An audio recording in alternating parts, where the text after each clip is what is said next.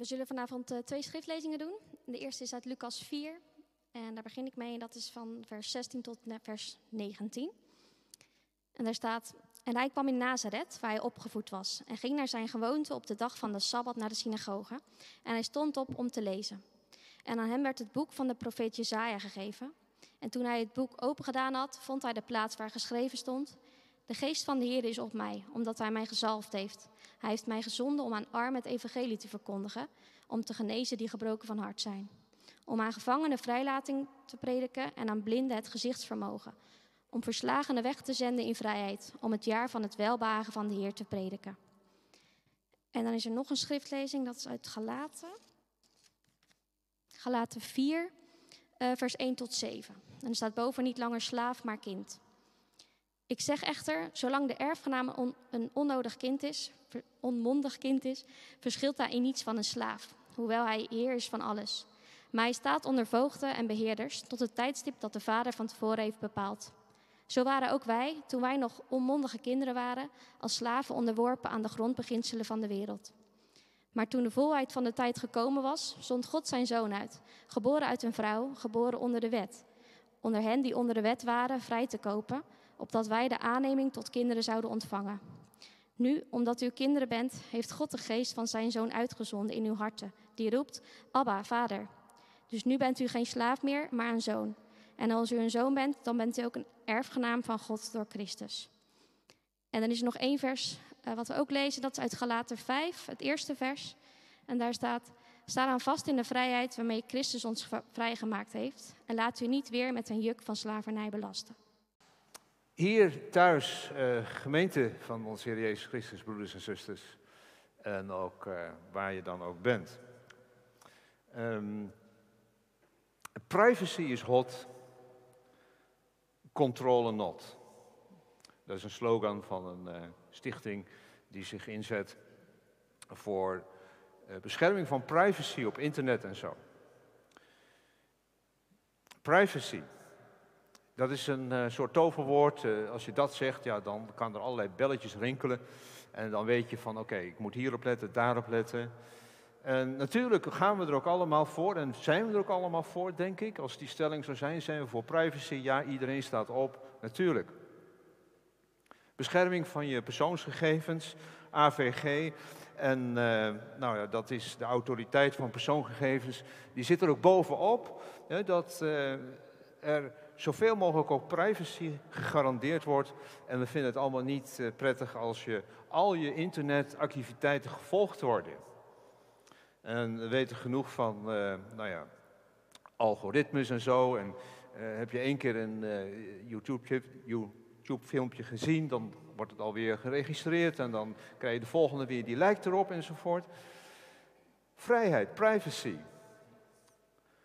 toch uh, denk ik dat het uh, ook duidelijk is dat dat ook weer zijn grenzen heeft. En dat het soms ook heel belangrijk is om die privacy, die vrijheid, als het gaat over gebruik van internet bijvoorbeeld en uh, social media, in te perken. Anders zouden criminelen altijd hun gang kunnen gaan en dan zal de online fraude en, en kinder porno en noem alles maar op, eh, zijn vrije loop kunnen hebben. Zou er niemand een controle uit kunnen oefenen. We weten allemaal genoeg op een gegeven moment dat er ook natuurlijk wel vragen zijn. Wie zit er dan achter die knoppen? En wie eh, heeft dan de regie, bijvoorbeeld op Facebook en uh, Instagram enzovoort. Wie, wie, wie, wie, zegt jou nou wat jij wel en niet mag posten en zo? Maar het geeft ook een steentje bescherming als die vrijheid, die privacy die privacy ook ingeperkt wordt op een of andere manier. Toch? En hetzelfde geldt ook van uh, vrijheid van meningsuiting.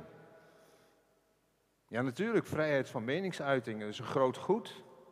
En als je dat vergelijkt met uh, andere landen bijvoorbeeld, dan springt Nederland natuurlijk helemaal uit. Want uh, ga naar Rusland, ga naar China en om over andere landen maar te zwijgen. Daar is helemaal geen vrijheid van meningsuiting, vrijheid van drukpers en zo. En toch heeft ook vrijheid van meningsuiting zijn grenzen en dat willen we ook. Er is een, eh, bij de wet ook geregeld dat we geen haat mogen zaaien. Zelfbeschikkingsrecht, vrijheid. Hè, dus ook nog heel actueel. eh, Dat, dat eh, als er een inperking zou zijn over het zelfbeschikkingsrecht, of je een kind eh, wil houden of niet, in de zwangerschap, abortus, dan is die inperking van vijf dagen nu ook van de baan. Want eh, ja, dat is ook alleen maar lastig allemaal. Dat, dat beperk je in je vrijheid. Waarom? Hoezo? Vijf dagen bedenktijd. Vrijheid. Zelfbeschikking. Zelfbeschikking over je leven, hè, voltooid leven. Daar zijn nog wel wat haken en ogen aan, maar goed, je merkt toch ook wel dat het steeds iets verder opschuift. En steeds meer mensen ook hun vrijheid nemen daarin.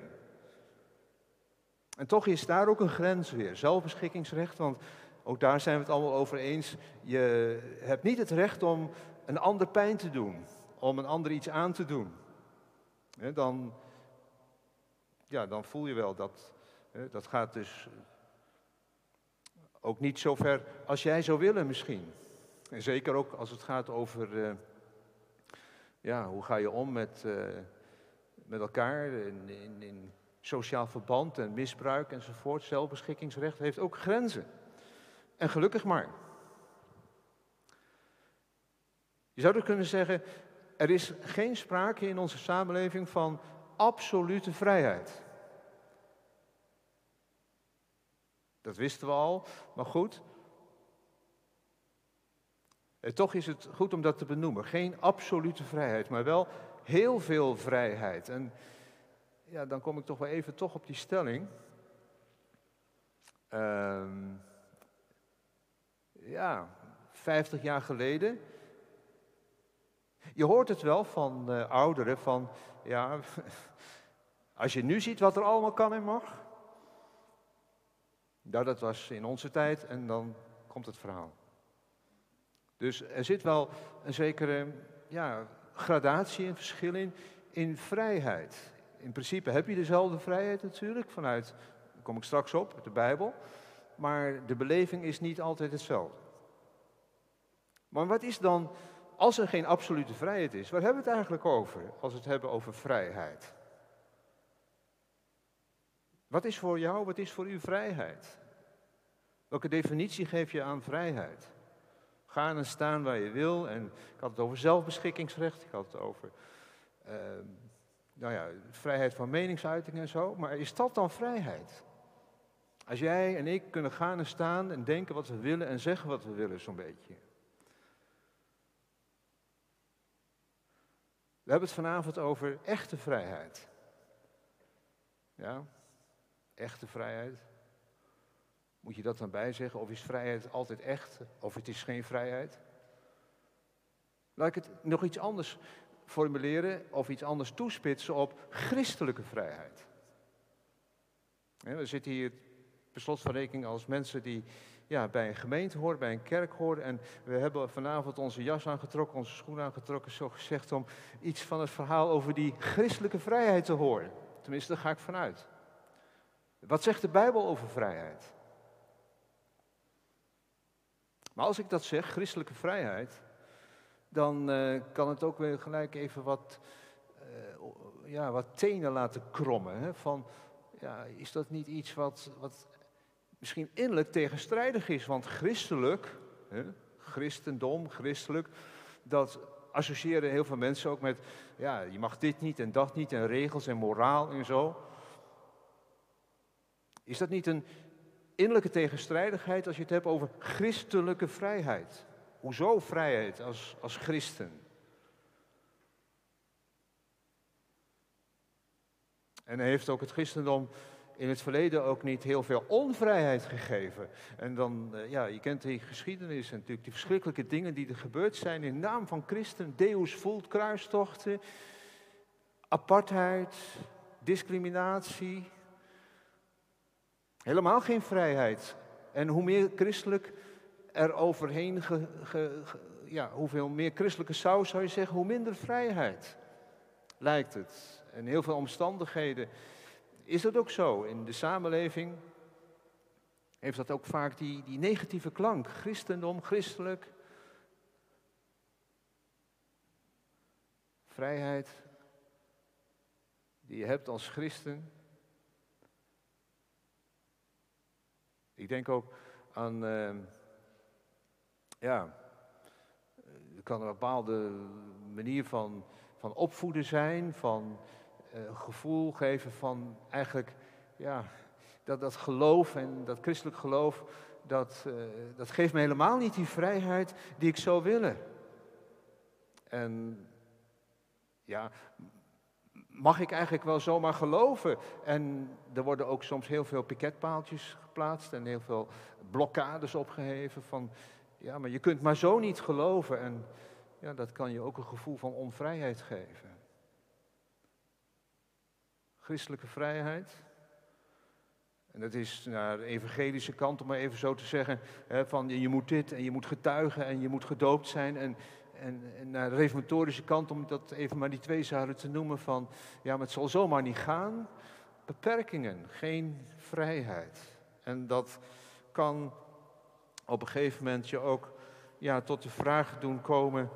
Ik las dat ergens en dat werd ja, ook zo genoemd als een, als een vraag van, ja, als je nou, als je nou, uh, als je nou voelt van, dat zijn eigenlijk allemaal maar beperkingen. En dat christendom, dat, dat geeft me helemaal niet de vrijheid dat je tot de conclusie kan komen, is het niet beter om ermee op te houden.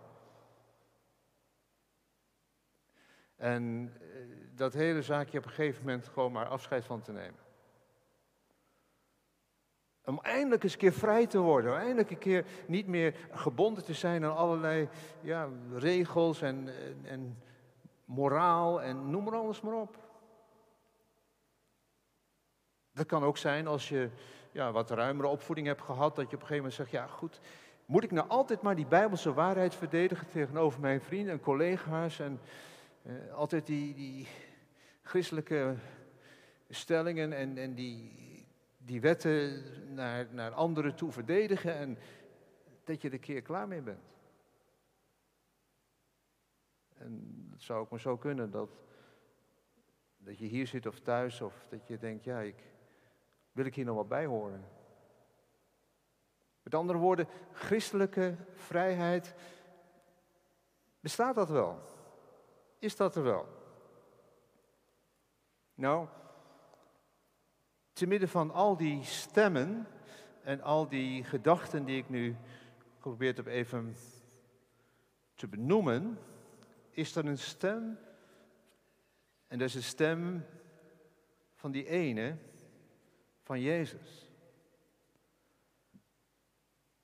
En die is op een gegeven moment in gesprek met, uh, met zijn Joodse volksgenoten. En dan komt het in het gesprek over de vraag van, wanneer ben je nou vrij? En dan zeggen die uh, Joodse gesprekspartners, zeggen, nou, wij, wij zijn kinderen van Abraham. En uh, ze voelen zich eigenlijk helemaal onafhankelijk ten opzichte van ja, andere mensen in, in de wereld zijn de heidenen, wij zijn Joden, wij zijn kinderen van Adam. En dan zegt Jezus, hoezo? Betekent dat dan dat je dan echt vrij bent? Jezus dan zei, dat lees ik dan uit Johannes 8. Jezus zei tegen de Joden die in hem geloofden: Als u in mijn woord blijft, als u in mijn woord blijft bent u werkelijk mijn discipelen. En u zult de waarheid kennen en de waarheid zal u vrijmaken. En zij antwoordden hem, ja, wij zijn Abrahams nageslacht en wij zijn nooit slaaf van iemand geweest. Hoe kunt u dan zeggen, u zult vrij worden? Jezus antwoordde hen, voorwaar, voorwaar, ik zeg u, ieder die de zonde doet, is een slaaf van de zonde. Hey, slaaf? Niet vrij? Als je de zonde doet? De waarheid zal je vrijmaken. En dan moeten we dat niet als een abstract begrip zien, maar in dit geval is het de waarheid is Hij zelf. Dat is God, dat is Jezus. De God van de waarheid, die zal je vrijmaken. Hoezo vrijmaken? Waarvan vrijmaken? Stelling die werd genoemd van, ja, worden wij, eh, in vrijheid geboren of vrijgeboren? Zijn wij vrij om te doen wat we willen? Ergens lees ik hier tussen de regels door niet dus. Niet. Als Jezus zegt, de waarheid zal je vrijmaken, dan zegt hij dat tegen Joodse mensen die geloven dat, hè, met alle respect voor de Joodse geloof en, en, en, en, alles wat, uh, wat, wat Israël is, maar dat ze daar uiteindelijk niet bevrijd door zijn. Want er zit nog een diepere probleem, dat is het probleem van de zonde. Moet je het altijd over hebben? Ja, daar moet je het wel over hebben. Als het gaat over vrijheid kun je daar niet omheen.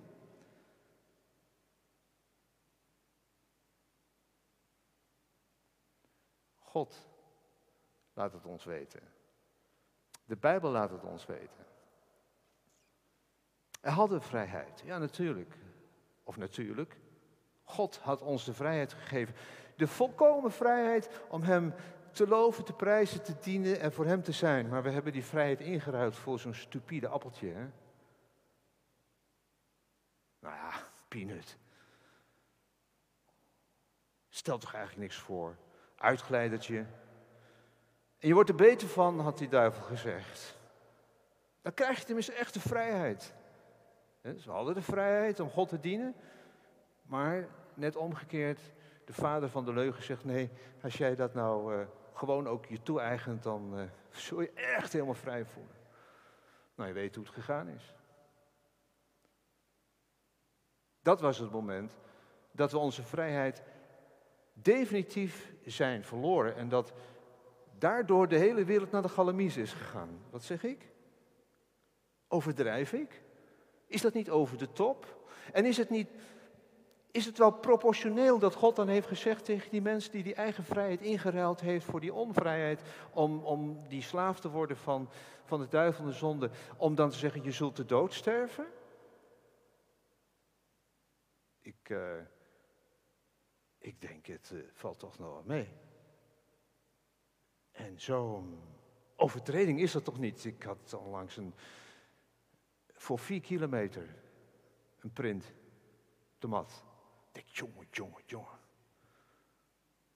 Kom je, de, hè, kom je Gouda binnenrijden, heb je net even gemist. Hè, net even te laat. Hè, net heel netjes gereden al die tijd. En net die vier, die vier kilometer te hard. Ik kreeg hem wel thuis. Nou ja, voor die 20 kilometer, oké. Maar die vier, die vier, nou, dat vind ik overdreven. Vind ik. Ja. Maar neem een voorbeeld. Ander voorbeeld. Je hebt je auto uitgeleend. Mooie auto, nieuwe auto. Aan een uh, goede bekende, een vriend. Brengt hem netjes terug. Was prima, fijn, bedankt, rijdt lekker. En, uh, nou, goed. Tot de volgende keer. En je kijkt en je ziet en er zit een kras. Oh ja, ja, dat, is, heb ik even vergeten te zeggen. Oh, ja. Voel je? Het lijkt maar een krasje, helemaal niks. Peanut stelt niks voor. Maar die relatie met die persoon heeft een kras, een deuk opgelopen. Dat is nu precies wat er gebeurd is met ons toen wij onze vrijheid ingeruild hebben voor het lijkt zo weinig, het lijkt eigenlijk niks. Maar God zegt, wacht even, ik ga er niet even wegpoetsen. Jullie hebben zelf je vrijheid ingeruild voor een slaaf van die zonde, van de duivel te worden. En wat ik nou zo geweldig vind, het is echt alles. Wat, en dat, dat, kan ik ook nooit eigenlijk over ophouden als het gaat over preken. Dat God dan zegt, nee, ik poets dat niet weg, maar ik ga dieper. Ik ga het verzoenen. Verzoenen? Ja. Zo dat hij. En ik kan er nooit over uit. Dat God zo ver is gegaan dat hij wat wij kapot hebben gemaakt, zelf op zich gaat nemen en daar aan een kruis gaat hangen. Om zo ons nieuwe mensen te maken. Nee, wij zijn niet zomaar als blanke velletjes papier geboren. Wij zijn in zonde ontvangen en geboren. En er kan maar één oplossing voor zijn, dat God zelf komt in die nood, in die ellende, in die, ja, noem het maar, wat. Om ons nieuwe mensen te maken, een nieuwe vrijheid te geven, een nieuwe mens. Dat is echte vrijheid, dat wij nieuwe mensen worden. Die oude mens weg, die onvrije mens, nieuwe mens. En daar gaat het hele Nieuwe Testament over. En hoe kom ik daar? Dan kom ik alleen maar wanneer ik eerlijk tegen God zeg, hier ben ik. Hier, zijn, hier is mijn leven, hier zijn, hier zijn al mijn eh, gedachten en zonden, Heere God. Ik, ik hoor, ik, ik ben niet vrij, maar ik, ik verlang naar vrijheid. Ik herinner mezelf dat ik, dus al een heel tijd geleden, en toch mag ik er telkens weer opnieuw eh, aan terugdenken, dat, dat ik het niet meer wist en niet meer verder kon. En moest zeggen, Heer God, het zou, het zou rechtvaardig zijn als u, als u mij echt helemaal voor altijd weg zou doen. En dat ik toch bad, Heere God. Maar u hebt toch ook mij beloofd, de Vader, de Zoon en de Heilige Geest. En dat, dat ik zag, Jezus, Hij ook voor mij. Ik voor u, daar jij anders de eeuwige dood zou moeten sterven. En toen, toen voelde ik zo die vrijheid. En dat is natuurlijk allemaal wel weer anders geworden. En ook heel vaak dat duveltje weer op je, op je schouder en die verleiding. En dan gaat het weer fout. En dan doe je toch weer niet wat God wil. En toch daar weer op terugvallen. Hij voor mij. Dat is de vrijheid in Christus. Hij. Wat een naam. Wat een, wat een, wat een, wat een, een zaligmaker. Hij voor mij. En zo in die vrijheid gesteld. En ik zeg je vanavond, kom, Stel het niet uit als je je onvrij voelt. Als er iets is waar je zegt, daar ben ik een slaaf van. Dat zit heel diep en ik kan er niet van af. Heere God, hier ben ik. Bevrijd mij. Ik geloof, ik vertrouw, ik weet zeker. Hij zal dat doen, hij zal je horen, hij zal je ook in die vrijheid stellen. En je zal je laten zien, Jezus is ook voor mij gekomen. Wat betekent dan gaan voor de vrijheid? Sta dan ook in die vrijheid. Ik noem drie dingen. Dat is die vrijheid geloven, dat is één. Tweede is je verheugen daarover. En het derde is ook die vrijheid leven. Staan in de vrijheid, zegt Paulus in Galaten 5. Sta dan dan in als je die vrijheid hebt gevonden in Jezus Christus, nieuw mens bent geworden. Dat je gelooft, ik ben vergeven. Ik hoef niet meer te vrezen, Romeinen 8 prachtig wat er staat. Als je gelooft dat de Heer Jezus Christus jouw zonde heeft vergeven, dan mag je weten in die vrijheid te staan. En dan zegt Paulus, dit is dus, dus is er geen verdoemenis voor hen die in Christus Jezus zijn, die niet naar het vlees wandelen, maar naar de geest. Ik ben een nieuw mens. Ik ben een, een mens die verzoend is. Ik ben een mens die niet meer veroordeeld zal worden. Geloof in die vrijheid. Ik ben een kind van God. Uit genade, door genade ben ik een kind van God. Dat. Vrijheid.